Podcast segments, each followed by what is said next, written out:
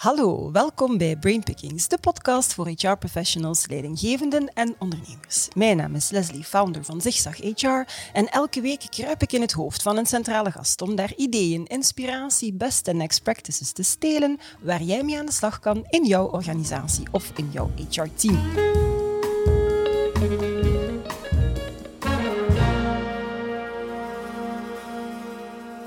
En vandaag kruip ik in het hoofd van Jentel van den Broeke, country manager Benelux bij Performance. En Jentel omschrijft zich als een atypisch klinisch psycholoog, een hart voor mensen, maar tegelijkertijd zeer prestatiegericht.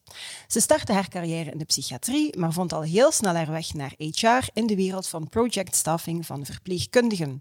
Om dan na zeven jaar te starten bij Performance, waar ze ondergedompeld werd in de wereld van online assessment tools. En omdat alle goede dingen uit drie bestaan, ga ik drie keer in Jentel haar hoofd kruipen, want daar valt veel te stelen over talentmanagement in tijden van telewerken bijvoorbeeld. En daar ga ik het in deze aflevering met Jentel over hebben. Want COVID-19 dwingt veel werknemers om te telewerken en dat gaat natuurlijk gepaard met een aantal behoorlijk pittige uitdagingen. Wel, Jentel die zal een aantal tips en mogelijke oplossingen naar voren schuiven. Dag Jentel. Hallo, dag Lizzie. Alles goed met jou? Ja hoor, alles in orde. Ben je er helemaal klaar voor? Helemaal. Super. Dan gaan we er um, aan beginnen. We gaan het dus hebben over talentmanagement. Misschien eerst eens informeren, Jentel. Wat was jouw visie op talentmanagement? Mijn visie op talentmanagement is dat een bedrijf eigenlijk zijn medewerkers moet ondersteunen om aan zelfreflectie te gaan doen. Um, en eigenlijk inzicht te krijgen in hun eigen functioneren. Ik vind dat heel belangrijk. Ik denk dat dat ook echt centraal moet staan in de strategie van een bedrijf. Um, om dat inzicht te krijgen in soft skills, in manieren van denken, in uh, de, de, dingen die mensen drijven, maar ook in belemmerende factoren zoals uh, ja, cognitieve schema's. Dat is een heel psychologische term. Um, maar cognitieve schema's zijn de manieren waarop mensen naar de realiteit gaan kijken, die erg belemmerend kunnen werken in uh, professionele contexten. Ze kunnen ook stimulerend werken, maar ze kunnen ook belemmerend werken. En dus inzicht in die motivatoren, in die soft skills, in die cognitieve schema's. Um, als een bedrijf mensen daarin gaat ondersteunen, in, die, in hen daar de gelegenheid en de tijd voor te geven, dan gaat dat echt een gevoel van effectiviteit uh, hmm. gaan teweegbrengen bij mensen. En ook een gevoel van optimisme.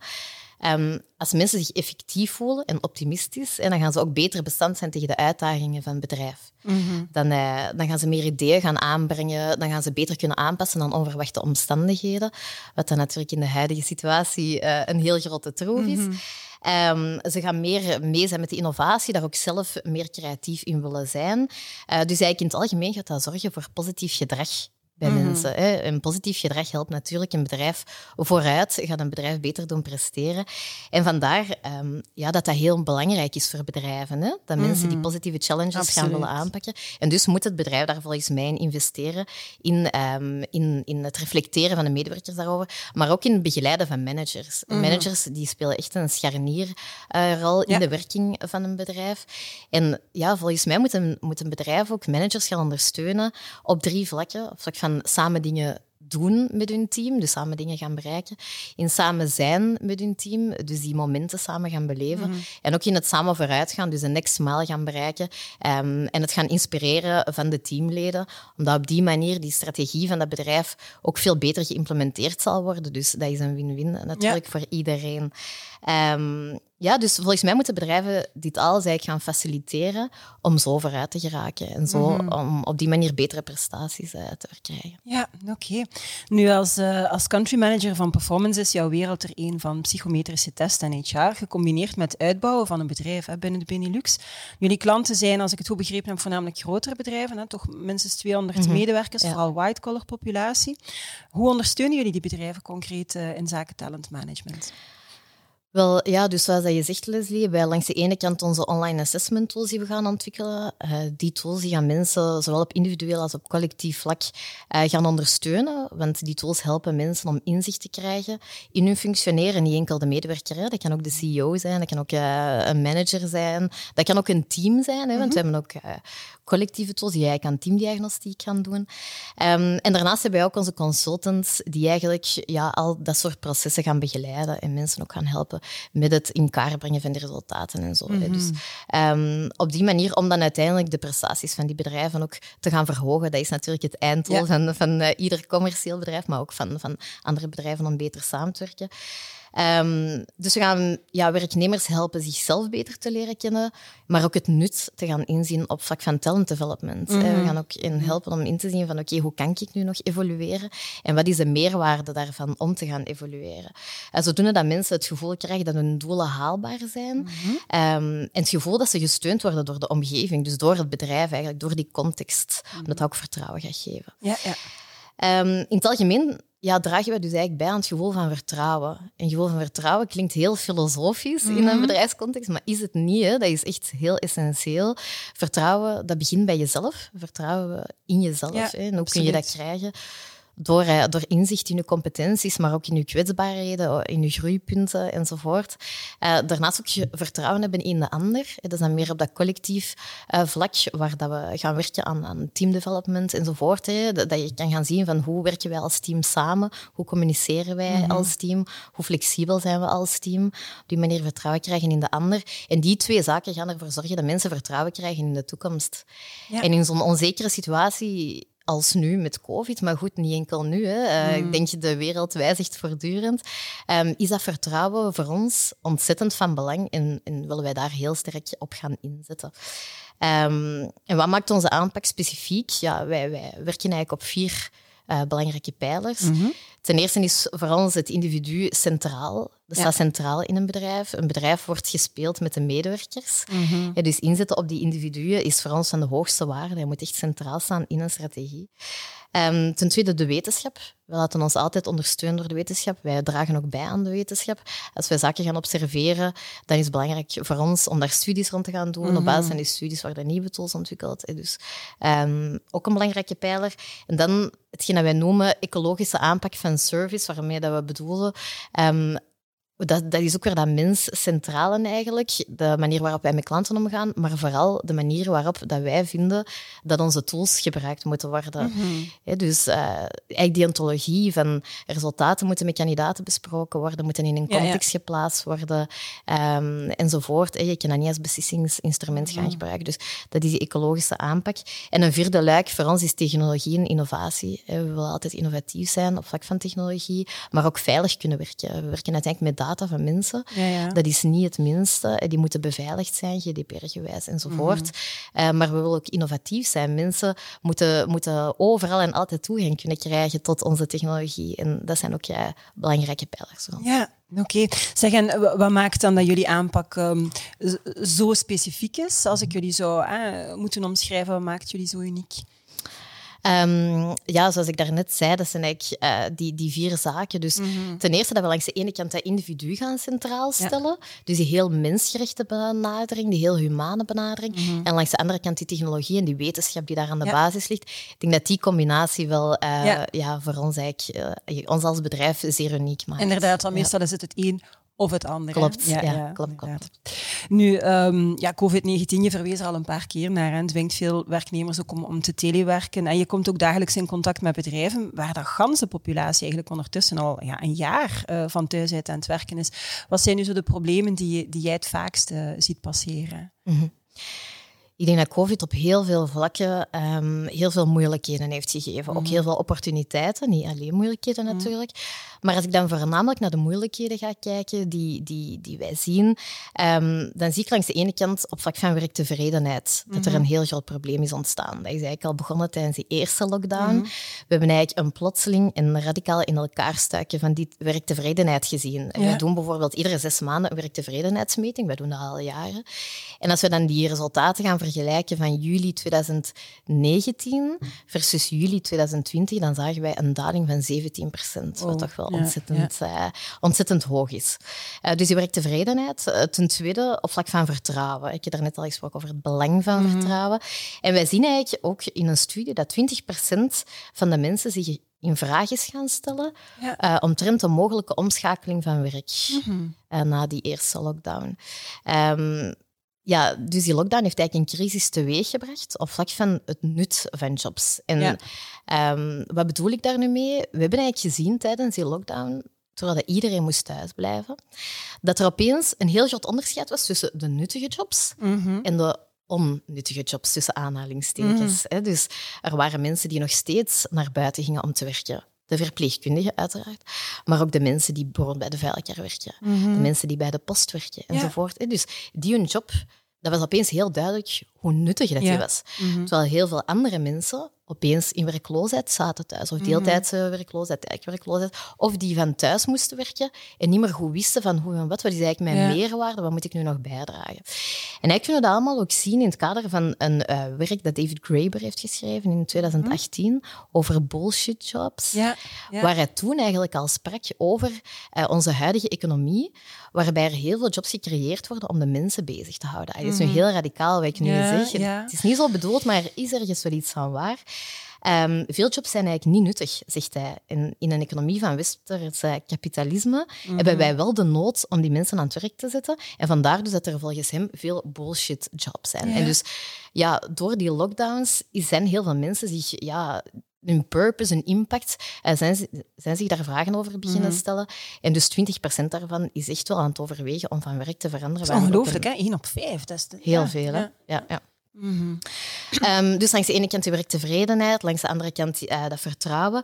Maar ook op vlak van coördinatie zien we heel veel problemen. Mhm. En dat is ook normaal, want opeens moet die coördinatie van op afstand gebeuren. We waren dat niet gewoon. Sommige bedrijven waren dat al een stukje gewoon, maar niet in de mate waarin het nu is.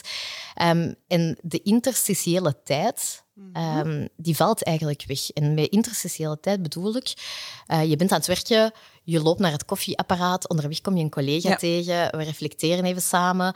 Um, of we zitten gewoon aan onze bureau, we sparren even. Wat denk jij? Uh, amai, uh, die klant, dat is toch wel een moeilijke casus, laat ons even mm Die interstitiële tijd die is volledig weggevallen met telewerk. Je hebt natuurlijk wel uh, media zoals Teams enzovoort, die je kan inzetten om contact te hebben, maar die mhm. spontane tijd die is er niet meer. Mhm. Dus op vlak van coördinatie heeft dat grote uitdagingen gegeven.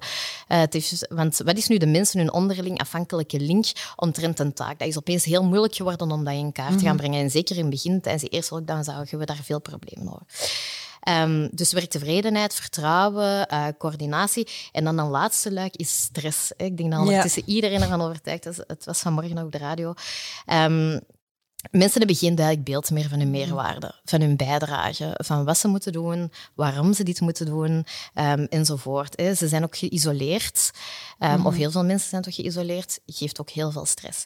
Uh, daarvoor wijs ik graag naar twee onderzoeken. Het eerste is een onderzoek dat gepubliceerd is in de General eh, Psychiatry, een tijdschrift, uh, waar ze de psychische stress van de Chinese bevolking eigenlijk uh, zijn in kaart gaan brengen um, na het eerste deel van de COVID-crisis. Mm En daar zagen ze dat 35% van 52.000 respondenten mm matige stress ervoor en 5% ernstige stress. Ja. Dus heel veel stress bij de Chinese bevolking. En die effecten die bleven, die bleken groter te zijn voor vrouwen dan voor mannen. En groter voor jongeren dus mensen tussen 18 en 30 jaar, en 60-plussers, dan voor de anderen. Dus dat is toch wel een heel frappant iets. Een tweede onderzoek is gepubliceerd in The Lancet. Dat was een meta-analyse, dus een combinatie van verschillende studies die gedaan zijn ten tijde van verschillende viruspandemieën, uh, zoals die van SARS, ebola en influenza A. En ook daar kwam, um, kwamen heel duidelijk negatieve effecten naar voren van de maatregelen die daar rond getroffen worden. En ook um, voornamelijk dan de quarantaine. Mhm. Eigenlijk zagen zij na tien dagen quarantaine al effecten van um, van uh, posttraumatische stress na tien dagen Al. Na tien dagen. Posttraumatische stress, ja, dat zijn heel ernstige symptomen. Mhm. Na tien dagen quarantaine bleken die al te zien te zijn. Ook heel veel angst, en voornamelijk dan bij, bij zwangere vrouwen en moeders uh, van kinderen, blijkbaar. En dus gewoon maar om te zeggen, die stress is belangrijk. Um, daar zagen we een grote evolutie. Dan die werktevredenheid, dat vertrouwen mhm. en die coördinatie, dat waren toch wel zaken die we heel sterk hebben opgepikt. Oké. Nu, je hebt een, een, een, heel um, overzichtelijke analyse inderdaad uh, gemaakt van uh, wat je effectief ziet dat, waar dat het moeilijk gaat. Nu, wat is dan het advies dat je zou geven aan, aan uh, werknemers of aan leidinggevenden om, om met die problemen om te gaan? En misschien, ja, hoe heb je dat ook zelf voor elkaar gekregen bij mhm. performance? Mm -hmm. Het advies dat ik kan geven um, is langs de ene kant, en dat noemen wij de narratieve benadering. En met mhm. narratieve benadering bedoel ik uh, dat het belangrijk is volgens ons om als bedrijf echt tijd te gaan inplannen om mensen te laten praten, dus narratief, over de dingen dat ze hebben meegemaakt, de mhm. dingen dat ze gedaan hebben, de dingen die ze hebben bijgedragen aan het bedrijf en hun moeilijkheden. Dat is niet bedoeld als controlemechanisme, want dat kan natuurlijk ook een mhm. tegenovergesteld effect gaan hebben. Maar eerder gewoon om mensen te laten reflecteren, om mensen te laten sperren over de dingen dat ze meemaken, die we dus niet meer dagdagelijks zien mhm. op een werkplek. Want je ziet heel veel zaken indirect. Uh, je bent je daar niet altijd van bewust, maar het is opeens heel opvallend dat je dat van op afstand niet meer ziet. Hè. Mm dus regelmatig gaan communiceren, ook van bedrijfsinformatie. Hè. Dat is ook belangrijk. Uh, dat kan ook top-down zijn. Hè. Daar is absoluut uh, in mijn ogen niks mis mee. Maar die, die bedrijfsinformatie bedrijfsinformatie die moet wel gegeven worden. Dus die narratieve benadering. En een tweede, investeren in vertrouwen. Hè. Dus dat is weer eh, dat, dat, begrip van vertrouwen dat naar voren komt. Um, en dus mensen gaan laten reflecteren over hun sterke punten, hun werkpunten, hun groeipunten. Waar wil ik staan binnen dit en vijf jaar? Um, omdat dat optimisme gaat teweegbrengen. Dat gaat mensen een gevoel van competentie geven. Dat is niet noodzakelijk objectieve competentie, mm maar het gaat hen wel een gevoel van competentie geven. En daardoor hè, gaan ze natuurlijk objectief ook eh, competenter worden. Dat geeft mensen impact, een gevoel van impact op hun carrière, op hun loopbaan, op waar wil ik staan binnen zoveel jaar?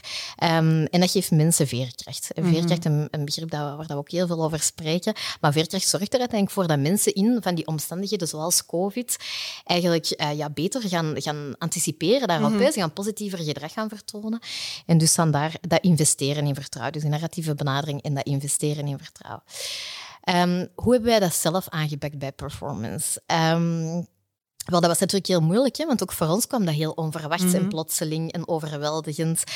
Um, waar dat wij heel sterk de nadruk binnen onze organisatie op hebben gelegd, is transparantie. Ja. Uh, transparantie die begon al bij de directie, die, die zeer sterk uh, gecommuniceerd heeft. Ook toen dat niemand eigenlijk nog wist wat er ging gebeuren of wat mhm. er gebeurde. Um, bij toch een directie die heel sterk gaat delen, uh, informatie gaat delen. Van wij denken, wij maken de analyse van de situatie zo, wij denken dat we dit op deze manier moeten gaan aanpakken. Um, dat was niet noodzakelijk een correcte analyse, helemaal niet. Um, maar de nadruk lag wel op die transparantie. Ja. Dus dat hebben we heel sterk op ingezet. Wat nog, ja, zoals heel veel bedrijven hebben gedaan, informele momenten waren er heel mhm. veel bij ons. Dat is niet voor iedereen weggelegd. Hè. Dus sommige mensen hebben daar iets aan, anderen doen dat liever niet. Dus dat is ook nooit een verplichting geweest. Mm maar er was bijvoorbeeld een koffie samen, s morgens vanaf ja. afstand dan. Ja, ja. Um, er was een kookworkshop. Um, er waren quizjes die werden georganiseerd, apero samen. Mm er was ook een, een Getty Museum Challenge, waarbij iedereen dan uh, ja, schilderijen kon nadoen. En daar was er een wedstrijd aan verbonden. En zo heel van, van die ludieke zaken. Mm en dan ook zijn wij eigenlijk ja, vrij snel al elf projecten opgestart. Mm Elf projecten die eigenlijk niks met uh, commerciële zaken te maken hadden, maar die echt puur op het inhoudelijke, kwalitatieve gingen. Mhm. Mensen kregen een heel grote autonomie. Dat was ook pluridisciplinair. Dus uh, een commercieel iemand zat samen met iemand van de back-office, zat samen met iemand van R&D enzovoort. Hè. Zat samen met iemand van directie, dat werd samen aangepakt. Al die projecten zijn gerealiseerd. Um, dat heeft mensen wel een gevoel gegeven van bij te dragen aan iets. En heeft ja, het gevaar op onzichtbaarheid een stukje weggenomen. Uh, wat hebben we gedaan bijvoorbeeld? Een van die projecten ging rond een nieuwe grafische look en logo, uh, die we intussen gerealiseerd hebben. Een andere rond ontwikkeling van een nieuwe tool. En dat was eigenlijk een tool die in kaart gaat brengen wat de competenties van iemand zijn op vlak van telewerk. Mhm. We hebben die tool ook gratis aangeboden. Niet enkel aan klanten, maar ook aan niet-klanten. Eigenlijk aan iedereen die wou. Dus weer die purpose eigenlijk die naar voren kwam. Van wij wilden ook onze bijdrage leveren um, in die COVID-crisis. Uh, nog een andere rond user experience. Allee, zo, zo dus elf verschillende projecten eigenlijk die we gerealiseerd hebben. Ja. Ja, knap.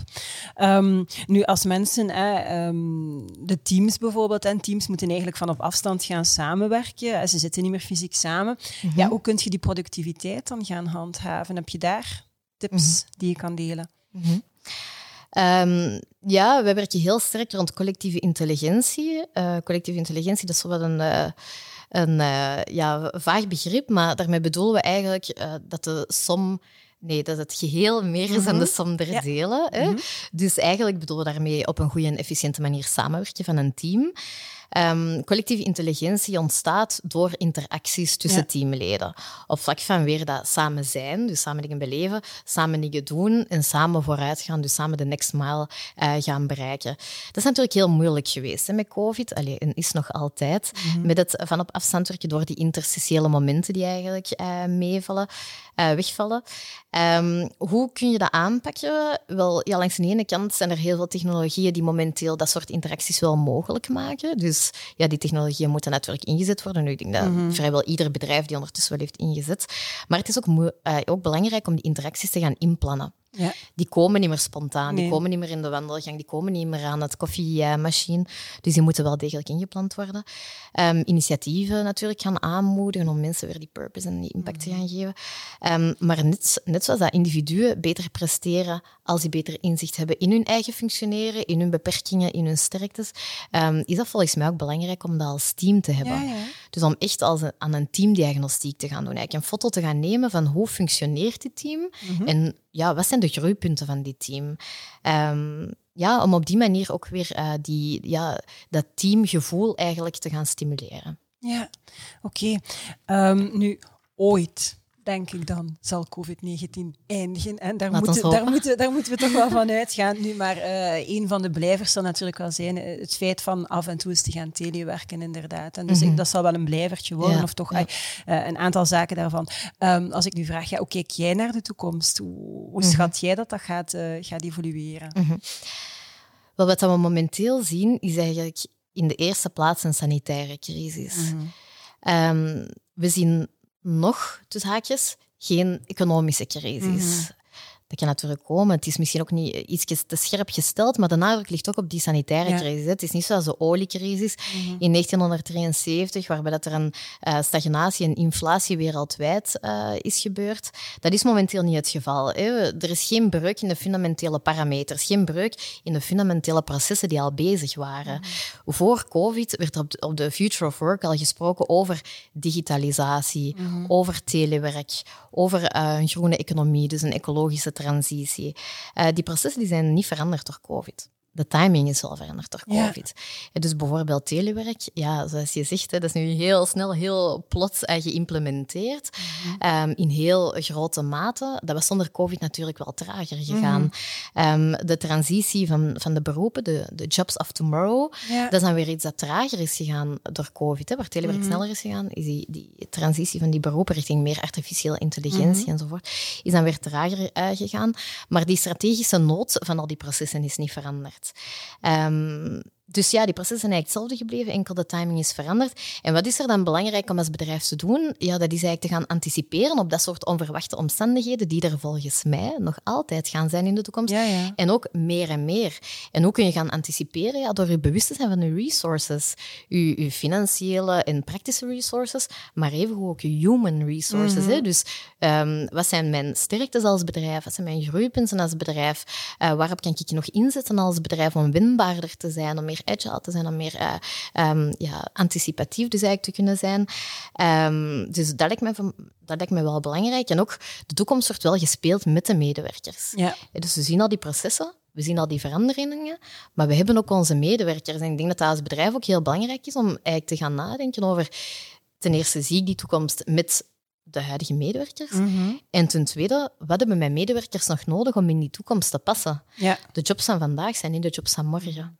Ehm, en in dat opzicht is dat, is dat volgens mij belangrijk om op dit moment al een carrièreplanning met de medewerkers Ja, te ja. gaan doen en hen te laten evolueren in de richtingen die de economie en de bedrijven zullen nodig hebben. Mhm, Oké, helder. Ehm, nu, hoe heeft gans deze COVID-crisis eigenlijk de roadmap van eh, performance ehm, beïnvloed bij de ontwikkeling van de psychometrische test dan? Ehm, ja, vanuit wetenschappelijk oogpunt was dat voor ons, eh, klinkt misschien wel gruwelijk, maar wel een interessante periode. Eh, om te begrijpen wat er gebeurt, om daar Mhm. onderzoek naar te doen enzovoort. We hebben veel studies gedaan. We hebben Ja. zo tools ontwikkeld en aangepast, eh, tools aangepast die al ontwikkeld waren. Eh, dus op dat vlak heeft onze roadmap wel beïnvloed. Onze dagelijkse werkingen bij min of meer in stand proberen te Mhm. houden. Natuurlijk, dat was onmogelijk om die exact in Mhm. stand te houden. Bijvoorbeeld opleidingen, ja, die konden niet meer eh, gegeven worden face-to-face. Dus die zijn we natuurlijk ik, eh, allee, in heel grote mate van op afstand moeten gaan geven, als het al kon voor de klant. Dan die elf projecten die we gerealiseerd Mhm. hebben. Ehm, en wij hebben ook heel sterk ingezet op loopbaanontwikkeling. Ja. We zagen die grote nood. Ehm, wij hebben daar ook onze tools rond aangepast, we- veel webinars rondgegeven enzovoort. Ehm, dus daar rond is heel veel ook voor ons gedraaid tijdens die periode. Ja, oké. Ehm, ja, ik sluit, eh, ik sluit deze podcast eigenlijk altijd heel graag af met een soort van eh, wrap-up. Zo een aantal Mhm. key learnings. Als er nu drie dingen zijn, eh, Jentel, die mensen zouden moeten onthouden na deze podcast, wat moeten ze zeker meenemen? Ehm, Ten eerste dat, dat het belangrijk is om inzicht te krijgen in iemand zijn functioneren. Als of je nu een CEO bent, of je bent een werknemer of een manager. Um, dat dat gaat doen winnen aan vertrouwen. Ik denk dat dat een, een belangrijke boodschap was die ik graag wilde meegeven. Mhm. Een tweede, dat de toekomst van een bedrijf wordt gespeeld uh, door de medewerkers. Dus dat volgens mij belangrijk is om die echt binnen uw strategie als centraal punt te gaan zetten. Um, en ten derde, dat die behoefte aan zelfkennis niet enkel geldt voor individuen, maar ook voor teams en voor het collectieve luik. Oké. Okay. Wauw, knap. Dankjewel, Jentel. Ik vond het uh, zeer boeiend, zeer helder uitgezet. Ook uh, merci dat ik in jouw hoofd mocht kruipen. Ik kom er binnenkort heel graag terug in. Super. Ik kijk er naar uit. Dankjewel ook uh, aan jullie om te kijken of om te luisteren. En ik kruip dus inderdaad volgende maand opnieuw in het hoofd van uh, Jentel. Dan gaan we het hebben over data mining, HR tech en algoritmes en hoe data onze job interessanter, kwalitatiever, maar zeker niet overbodig zal maken. Dat wil jij natuurlijk voor geen geld ter wereld missen. Abonneer je dus zeker op deze podcast of op ons YouTube-kanaal. Heb je honger naar meer? Surf naar de website zigzaghr.be. Het allerbelangrijkste, dat weten jullie ondertussen al heel goed. Don't forget, it's a great time to be in HR. Tot de volgende. Thank you.